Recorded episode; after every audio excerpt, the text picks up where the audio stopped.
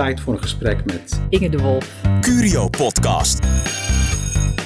De kracht van onderwijs. Als het gaat wat, wat doen we niet zo goed, hè, dan zie je met name die gelijke kansen echt wel een, eh, nou ja, een opkomend nieuw groot eh, probleem is. Dus het Nederlands onderwijs is niet zo goed voor iedereen.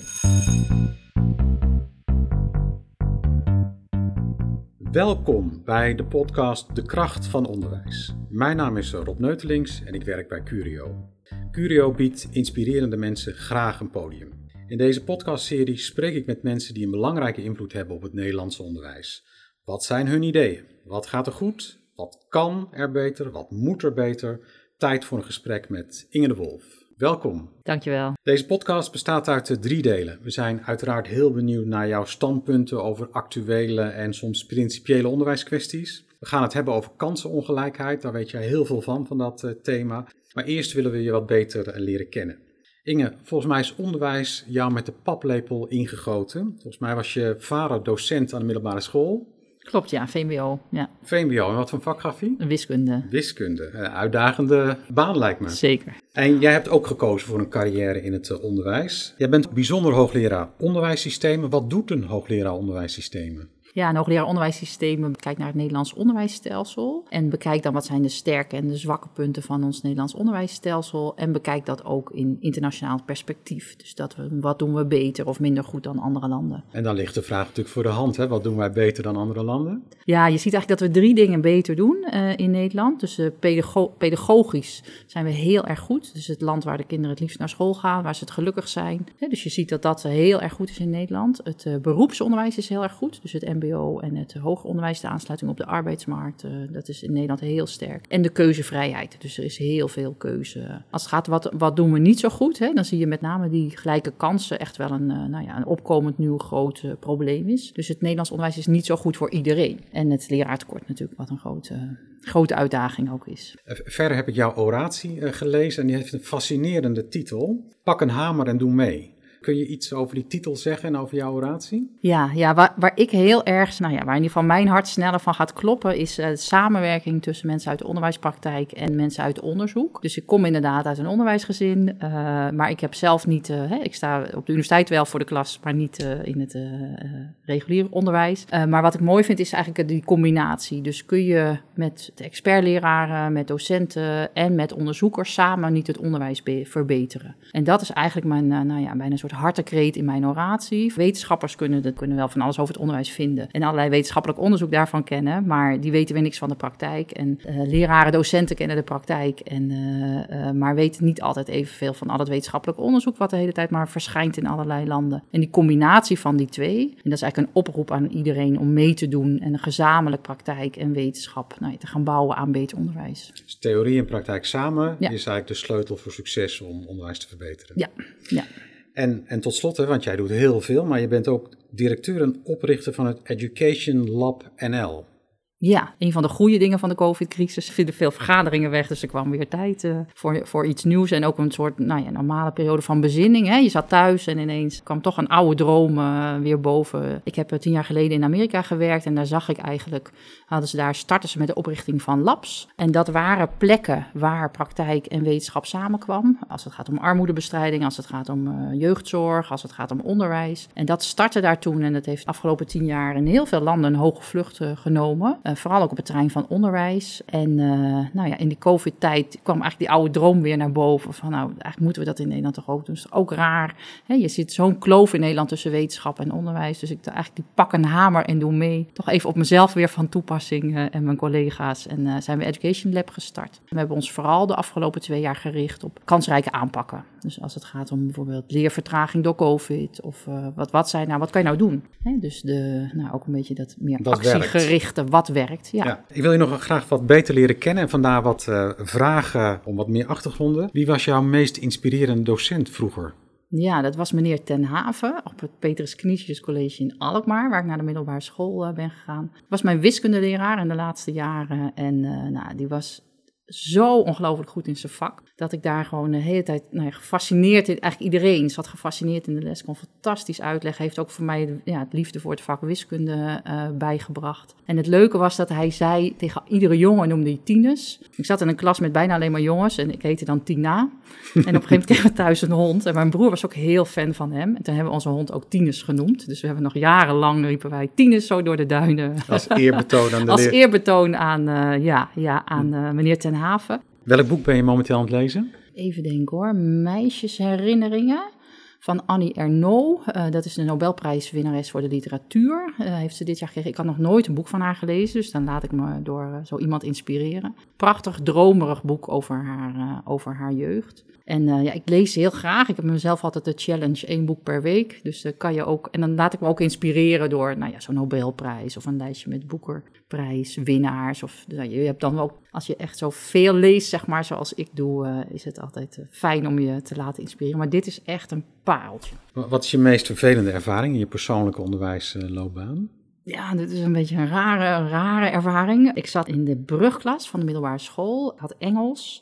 Daar had ik erg veel moeite mee met het vak Engels. En ik had, denk dat ik ook niet goed geleerd had. En mijn basisschoolperiode liep ik, ging vrij makkelijk. En ik had voor het eerst in mijn leven een 2. En ik weet niet waarom, maar het bracht me totaal van mijn stuk. Dus ik moest echt huilen. Ik vond het echt ik vond het heel, heel erg. En het ergste, maar eigenlijk ook wel grappiger was, was dat wij tien minuten later voor de schoolfotograaf uh, de foto moesten. Dus ik heb zo'n heel mooi rijtje in mijn fotoboek met alle uh, foto's. Maar ja, die eerste die blijft me gewoon mijn leven lang achtervolgen. Zo'n meisje, zo'n brugklasser met zo rode oogjes.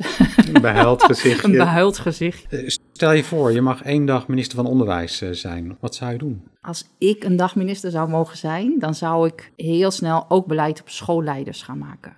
Dus we zien dat de schoolleider ontzettend belangrijk is voor het team, voor, voor lerarenteams. Uh, er is ook een enorm schreeuwend tekort aan schoolleiders waar niemand het over heeft. De beloning is niet altijd fatsoenlijk. Uh, dus je ziet eigenlijk dat alle andere landen heel veel beleid op goede opleidingen voor schoolleiders hebben. En in Nederland vind ik dat echt een ondergeschoven kindje. Dus als ik één dag zou mogen hebben, zou ik gewoon in één, die ene dag heel veel mooi, goed, uh, effectief schoolleidersbeleid maken. Ja, volgens mij luistert de minister mee, dus dan heeft hij gelijk de suggestie. en tot slot dan het eerste blokje. Wat is het beste advies wat je ooit gekregen hebt in je leven? Dus denk ik het advies wat ik in een werkomgeving kreeg. Alles wat je aandacht geeft, groeit. En het was omdat ik me enorm zorgen zat te maken om iets waar ik helemaal niks aan kon doen. En wat eigenlijk ook, nou ja, hè, fetus tussen groepen waar ik mee werkte en wat eigenlijk ook geen aandacht verdiende. En mijn toenmalige leidinggevende die zei uh, van nou Inge, let op, alles wat je aandacht geeft groeit. Ik heb sindsdien ontdekt dat je dat ook in positieve zin kunt gebruiken. Dus ik heb eigenlijk bedacht, mezelf voorgenomen. Het werkte zo goed omdat de dingen waar die ik niet wilde laten groeien niet meer te doen. Dat ik ga het ook veel beter daarmee focussen op waar ik wel mijn tijd en energie aan, uh, aan besteed. En uh, nou ja, het begon in de werkzetting, maar ik merk dat ik het ook in mijn, gewoon in mijn persoonlijke leven steeds meer ben gaan toepassen. De kracht van onderwijs. De stellingen. Ik wil je een aantal stellingen voorleggen. En dan wil ik dat je aangeeft eens of oneens. En ik, ik doe eerst een rijtje stellingen en daarna mag je er één of twee uitpikken om je antwoord te nuanceren. Diploma's moeten worden afgeschaft en vervangen door een skillspaspoort. Oneens. Leraren in het primair onderwijs kunnen slechter rekenen dan de gemiddelde HBO'er en WO'er in Nederland. Weet ik niet. Ik neig naar oneens dan, als ik het niet weet. Het opleidingsniveau van ouders is het beste voorspellen van schoolsucces van een leerling. Eens.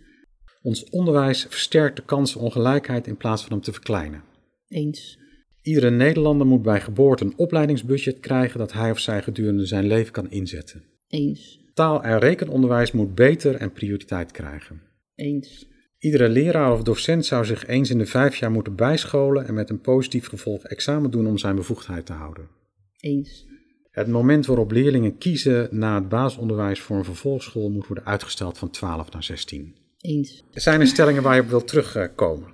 Ja, ik wil over een leraarstelling terugkomen, namelijk over dat niveau. Ik wist niet goed het antwoord daarop, maar het taal- en rekenniveau, volgens mij de rekenprestaties van de leraren, die zijn slechter dan de gemiddelde HBO'er en WO'er. Leer, leraren in het primair onderwijs kunnen slechter rekenen dan de gemiddelde HBO'er en WO'er in Nederland. Wat ik daar lastig aan vind, wordt heel vaak denigerend gedaan, vind ik, over leraren. Dat merk dat me dat me raakt, dat vind ik heel vervelend. We hebben onderzoek gedaan, uh, een van mijn promovendi, Stan Vermeulen, Eh, die heeft gekeken hoe presteren Nederlandse leraren nu op basisvaardigheden vergeleken met leraren in andere landen. Hè? In Duitsland, in Polen, Frankrijk, alle, alle landen. En daar bleek uit, uit dat onderzoek, dat ze gemiddeld genomen zeg maar, beter presteren. We hebben heel weinig laagpresteerders. Dus we hebben eigenlijk heel weinig leraren die niet kunnen rekenen of die niet kunnen, uh, kunnen lezen. Wat in Nederland wel heel erg opvalt, dat we weinig heel goede leraren hebben. Dus die helemaal aan de bovenkant zeg maar, van die prestatieverdeling zitten. Daar hebben andere landen, is eigenlijk een veel bredere groep wordt leraar. En we zien eigenlijk dat er weinig zwakpresteerders zijn die leraar worden, maar ook weinig hoogpresteerders. Het is een beetje middle of the road. Dus het is een beetje middle of the road, maar het zit met name, ja, er zit veel potentie zeg maar, aan, de, aan, ja, aan de bovenkant van de skillverdeling. De, de heel goede leraren ja, verlaten of het beroep of worden geen leraar. Of, uh...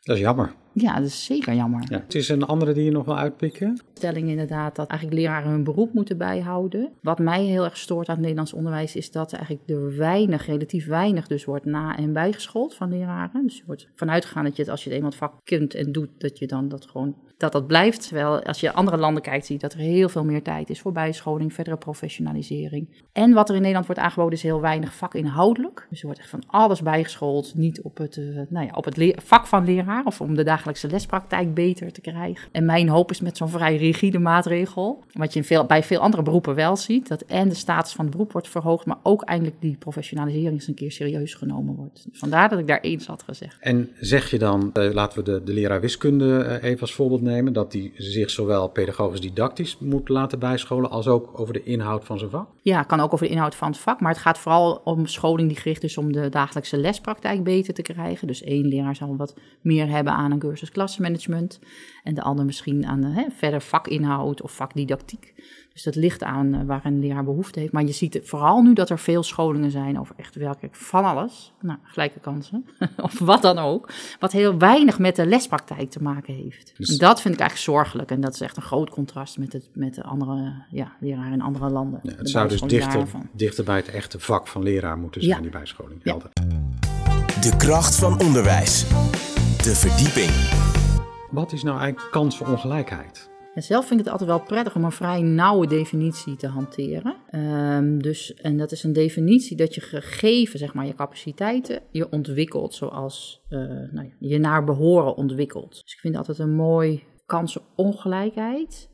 Vind ik altijd handig visualiseerbaar bijna. Dus te zeggen van nou, als je nou twee leerlingen hebt met dezelfde capaciteiten, hè, dus twee uh, HAVO-leerlingen bijvoorbeeld, vind ik het kansenongelijkheid als de een uh, dan nou ja, VMBO-basis, VMBO-kader uh, uiteindelijk diploma heeft en de ander een VWO-diploma. Omdat ze dezelfde capaciteit hebben. Dus het gaat niet om hoog of laag, maar het gaat erom dat je eigenlijk wil dat ieder kind zich naar behoren ontwikkelt. En wat we nu zien bij die kansongelijkheid die oploopt, is dat er eigenlijk een groep steeds groter wordende groep leerlingen in Nederland is, waarvan de ouders dan niet hebben doorgeleerd, die eigenlijk gegeven hun capaciteiten daar onvoldoende wordt uitgehaald in het onderwijs. Dus je merkt dat ze daar een risico op lage lettertijd toenemen. Je ziet daar hè, dat ze niet op het niveau komen wat je eigenlijk gegeven hun prestaties zou mogen verwachten. Je ziet dat die het eigenlijk steeds zwaarder hebben in het Nederlands onderwijs. Betekent kansenongelijkheid dan eigenlijk dat je zo hoog mogelijk uit moet komen? Want je had het over die twee HAVO-leerlingen, waarbij dan de ene met een VMBO-diploma en de ander met een VWO-diploma. Nee, wat je eigenlijk wilt is dat voor beide, hè, zou je zeggen, dat is eigenlijk niet passend. Dus de ene leerling, we weten dat het slecht is voor een leerling als je bijvoorbeeld een HAVO-leerling bent, maar je krijgt VMBO-basis, VMBO-kaderadvies. Dan, dan zit je daar gewoon ook niet op je plek. Hetzelfde geldt voor een HAVO-leerling uh, die uh, nou ja, hè, het VWO of misschien uh, naar het gymnasium moet. En daar ook de hele tijd een soort vecht van ik moet op mijn tenen lopen, ik moet met de huiswerkklasse gestut worden om nog dat diploma te halen. Dus het gaat eigenlijk om wat past bij een leerling en niet hoog of laag, maar het meest passende bij nou ja, de capaciteiten en interesses van een leerling. Hey, ik vroeg me af, Inge, kun je het ook niet omdraaien? De kans dat kinderen met ouders die een VWO-diploma hebben bakker worden of installatiemonteur, die is toch ook kleiner dan die van kinderen met VMBO-ouders. Dat is toch ook kansenongelijkheid? Ja, ben ik me helemaal met je eens. Dus dat is eigenlijk gewoon de andere kant van de, precies dezelfde medaille. Dus uh, we zien ook hè, dus dat een, uh, waar ik net had over die gemiddelde HAVO-leerling. Als die gemiddelde HAVO-leerling academisch geschoolde ouders hebben, zie je vaak dat er toch een VWO-advies krijgen, een VWO-loopbaan. Dan zie je eigenlijk kinderen die daar ook niet passen of die met veel pijn en moeite dat halen of ergens halverwege stranden daarna afstromen. Ja, dat, daar wordt ook niemand gelukkig van. En het, ja, kosten ons rond een heleboel vakmensen. Dus je ziet met name bij academisch geschoolde ouders een enorme soort opwaartse druk, zoals ze dat dan zelf uh, noemen. En uh, ja, die willen voorkomen dat hun leerling naar het, uh, naar het VMBO gaat. Dus ook kansongelijkheid. Ja, en wat is er mis met VMBO? Ja, niks. Nee, dat lijkt me ook. nee, dat is een van de mooiste, uh, volgens mij, onderwijsvormen die we hebben. Ook uh, in internationaal opzicht wordt het ook geroemd, het VMBO en het MBO. dus, dat is ook, dus, dus dat is ook, maar de, het is toch een soort, en daar hebben we denk ik in Nederland heel veel last van. Hè? Dus we denken, in andere landen zie je veel meer, zeg maar, in vak beroepsgericht versus theoretisch. Maar in Nederland denken we heel snel in hooglagen. nou, daar moeten we toch vanaf. En waarom is het VMBO zo, zo mooi, internationaal gezien? Vanwege die beroepscomponent die daar heel sterk is. Waar ik in het begin al zei, hè, dus een van de allersterkste dingen is eigenlijk de aansluiting en de beroepsvoorbereiding van het Nederlands onderwijs. Uh, en daarmee van het VMBO, MBO en HBO uh, in Nederland. Is sterk ten opzichte van andere landen. Nou, zeg jij dat de kansenongelijkheid in Nederland toeneemt? Ja. Hoe komt dat? Was er maar één reden voor, want dan hadden we ook één oplossing waarschijnlijk. dus dat is een complex, uh, dat is een complex iets waar we ook niet, ja, niet altijd helemaal precies weten. Maar we zien in Nederland dat we ook gewoon steeds meer een diploma-maatschappij hebben. Dat het ook heel erg loont, zeg maar, om een, uh, een HBO of een WO-opleiding uh, te hebben. Loont Tot in de zin van salaris? Ja, loont in de zin van salaris, baanzekerheid. Daar zien we de laatste tijd wel veranderingen komen. Hè? Dus je ziet met name MBO, ja, het is een schreeuwend tekort natuurlijk aan MBO-gediplomeerden. Dus dat zien we nu, uh, zien we nu verschuiven. En je ziet dat er, uh, dat is een andere verklaring, is dat eigenlijk een steeds groter deel van de Nederlandse ouders zijn hoger opgeleid, zoals het een vervelend woord vind ik, maar hebben een HBO of een WO-opleiding. Uh, en je ziet dat die hun kinderen, die willen ook dat hun kinderen succesvoller dan zichzelf zijn, of in ieder geval even succesvol. Die voelen het als een soort, ja, die hebben een soort extra druk om hun eigen kinderen dan, uh, nou ja, in ieder geval dan op die HAVO uh, te krijgen. Ongeacht wat het effect later kan zijn. Ja, en ongeacht natuurlijk het geluk of het schoolplezier of het werkplezier van hun, uh, van hun eigen kinderen. Ja, bijzonder hè? Ja.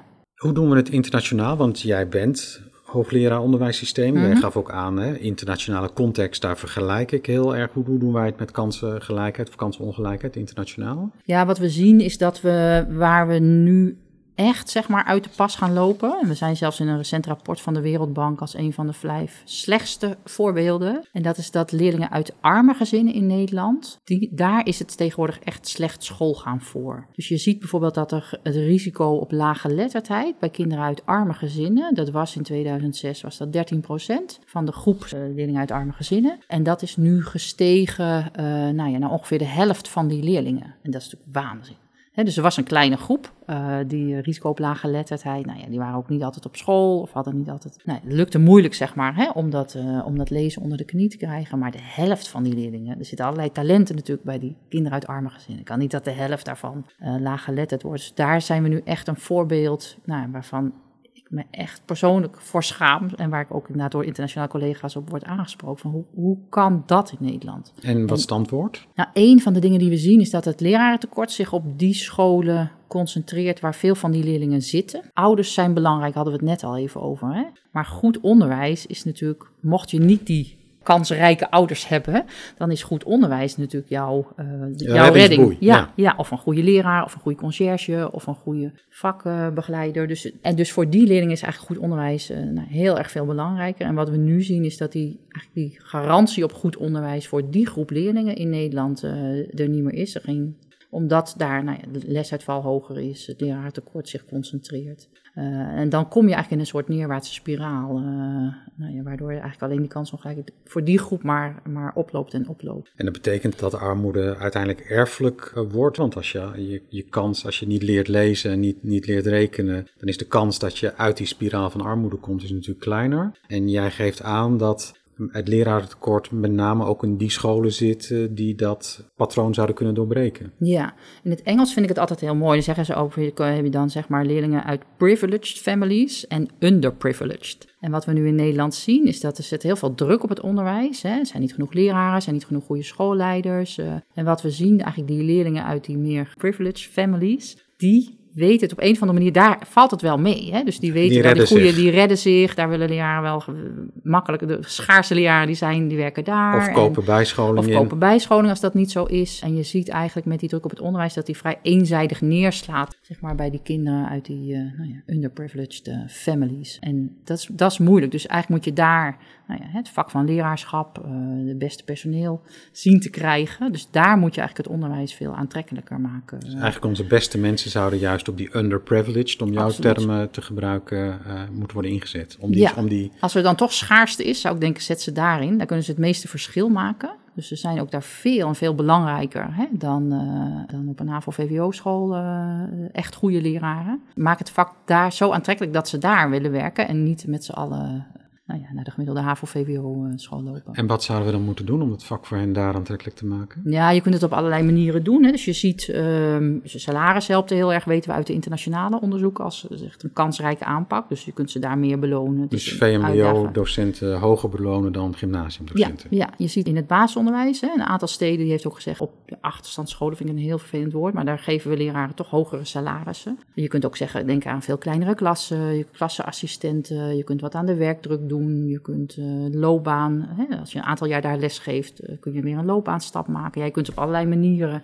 het vak daar aantrekkelijker maken. Maar als je het gewoon zo laat, dan krijg je eigenlijk wat we nu een beetje een cultuur van winnaars en verliezers in het onderwijs. Ja, dat ben je dan aan het organiseren. En wat je dan ziet, ja, wat ik me vrees, ook natuurlijk door die COVID-tijd, zien we ook dat de kansongelijkheid daar weer door weer is opgelopen. En als we dat, nou ja, dat scheefverdeling van het leraartekort ook maar zo laten, ja, dan is het natuurlijk voorspellen wat je over drie jaar ziet. Het zal niet minder worden, die kansenongelijkheid. En dat leidt meer. uiteindelijk tot een tweedeling in deze maatschappij. Ja, dat is wat, wat natuurlijk een grote bron van zorg als je nu ook de ontwikkeling in de wereld ziet. Hè. Dus die tweedeling moet natuurlijk alles aan doen om dat te voorkomen.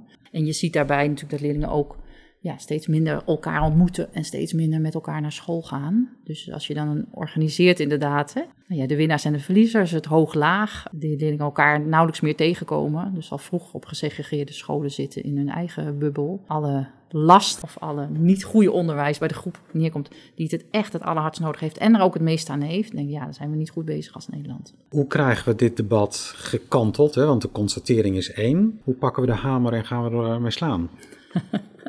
Ja, nou wat ik net zei, dus vooral het vak aantrekkelijker maken waar je de beste leraren wilt hebben. Uh, ongelijk investeren. Hè. Dus nu gebeurt dat ook, zonder dat we dat in de gaten hebben. Dus je ziet ook, vind ik heel vaak VWO's en gymnasia in de prachtigste panden zitten. De gemiddelde VMBO-school vind ik niet altijd de fraaiste panden van een stad. Dus je ziet nu al helemaal het omgekeerde zeg maar, van ongelijk investeren. Maar dat moet je dus omdraaien. Dus uh, zet praktijkonderwijs, VMBO, zet dat gewoon in het allermooiste pand van de, van de stad. Trek daar de beste leraren heen. Dus durf ongelijk uh, te investeren. Ja, en dit zijn ook dingen die vragen ook gewoon heel veel moed en lef van bestuurders, maar ik denk ook van de landelijke overheid om, om nou ja, die ongelijke maatregelen dan ook gewoon te nemen. Goede voorbeelden, ook die hamer te pakken. En zie je, uh, zie je dat lef op dit moment? Op dit thema? Ik heb nu wel hoop dat daar lef, uh, dat daar lef uh, zit. Dus heel lang was het ministerie wat uh, terughoudend. Het liet heel erg veel aan de, nou ja, met name de bestuurorganisaties. het was heel erg, nou, wilde zich niet met het stelsel bemoeien. En ik zie nu eigenlijk twee ministers die wel denken, nou, wat moet er eigenlijk gebeuren? Willen we dat hoog-laag wel? moeten we niet meer naar de leraar luisteren? Nou, ik heb goede hoop dat we daar de komende jaren nog wel wat van eh, kunnen horen. Ja. ja hoop is nog wel een beetje voorzichtig, vind ik. Uh, in de ja, omdat het heel complex is. Dit heb je ook, denk ik, niet in één regeerperiode veranderd. Het is ook cultuur. Het is ook, uh, uh, ja, nee, dus het is ook, succes is niet gegarandeerd. Maar, maar als we niet nu die hamer oppakken, dan, dan komen we er zeker niet. Zijn er elementen in het gesprek rond kansenongelijkheid waarvan je zegt, die zou ik nog graag kwijt willen? Ja, ik denk een, een, tweede iets wat heel goed werkt als het gaat om uh, gelijkkans, is het toch het wegnemen van barrières. Dus je ziet dat sommige leerlingen gewoon heel veel meer barrières hebben. En wat ik in Nederland, wat we heel vaak zien in het onderwijs, en dat, daar moeten we, dat is echt meer een cultuurelement, is dat dan de leerlingen de schuld krijgen bijna van die barrières. Geef ze een voorbeeld. Nou, dan hoor je een, een eh, docent die zegt... ja, maar deze leerling, ja, die heeft het thuis zo druk... en die moet even, is mantelzorger en die heeft nog twee broertjes zusjes... waar die voor, voor moet zorgen. Dus uh, laat maar. In plaats van dat je denkt, kan ik nou het kind daarmee helpen... en hem dan weer gewoon terug in de, in de klas krijgen... of op de stage of waar dan ook. Dus het wordt een soort... Ja, het is toch een cultuur... Soms bij sommigen van la, meer lage verwachtingen... bij sommige leerlingen... In plaats van dat we denken van hoe kunnen we nou die barrières voor die leerling, of die heeft geen eten gehad. Of die, hè, dus we moeten veel meer nadenken hoe kunnen we barrières wegnemen. Dus dat ongelijk investeren is er één. Maar een tweede van hoe kunnen we nou met z'n allen die, uh, die barrières. Want dat kan de leerling zelf helemaal niet. En een leerling daar een soort bijna de schuld gaan geven of te zeggen van nou dan hoef jij even niet onderwijs te krijgen. Want voor een leerling in die end is dat wel wat zeg, als het dan over generaties overdragen, bijvoorbeeld van armoede is, hè, dat onderwijs kan helpen om daar op een gegeven moment uh, zo'n breuk tussen die generaties te organiseren. Maar Om daaruit te komen. Dus om dan te zeggen, nou laat maar, hè, die heeft de druk thuis of heeft mantelzorg, dus uh, het zal toch niks worden. Dat vind ik heel erg kwalijk. Maar moeten we dan wat hogere verwachtingen juist uh, neerzetten voor leerlingen? Aan de, aan de ene kant en aan de andere kant wat minder begripvol zijn voor alle omstandigheden die er zijn, maar gewoon zeggen van, oké, die omstandigheden zijn er, dit is een oplossing daarvoor en dan ga maar voldoen aan mijn hoge verwachtingen. Ja, eh, ik hou niet van de term hooglaag, behalve in het woord hoge verwachtingen. Want daarvan weten we, dat is altijd voor iedereen goed. Dat weet je als persoon ook. Iemand die, als ik mensen ontmoet die hoge verwachtingen van mij, ik ga me er gewoon naar gedragen. Of in ieder geval doen mijn best om daar Dus dan vind ik hoge verwachtingen zijn wel uh, mooi. Dat geldt voor alle leerlingen. Iedereen groeit bij hoge verwachtingen. Bij die barrières zou ik niet zeggen van, dat hoor je ook wel. Hè? Van nou, dus dan, eh, dan moeten we maar niet dingen gaan oplossen voor die leerlingen. Ze moeten gewoon nu in de les komen. Daar zou ik echt niet heen willen.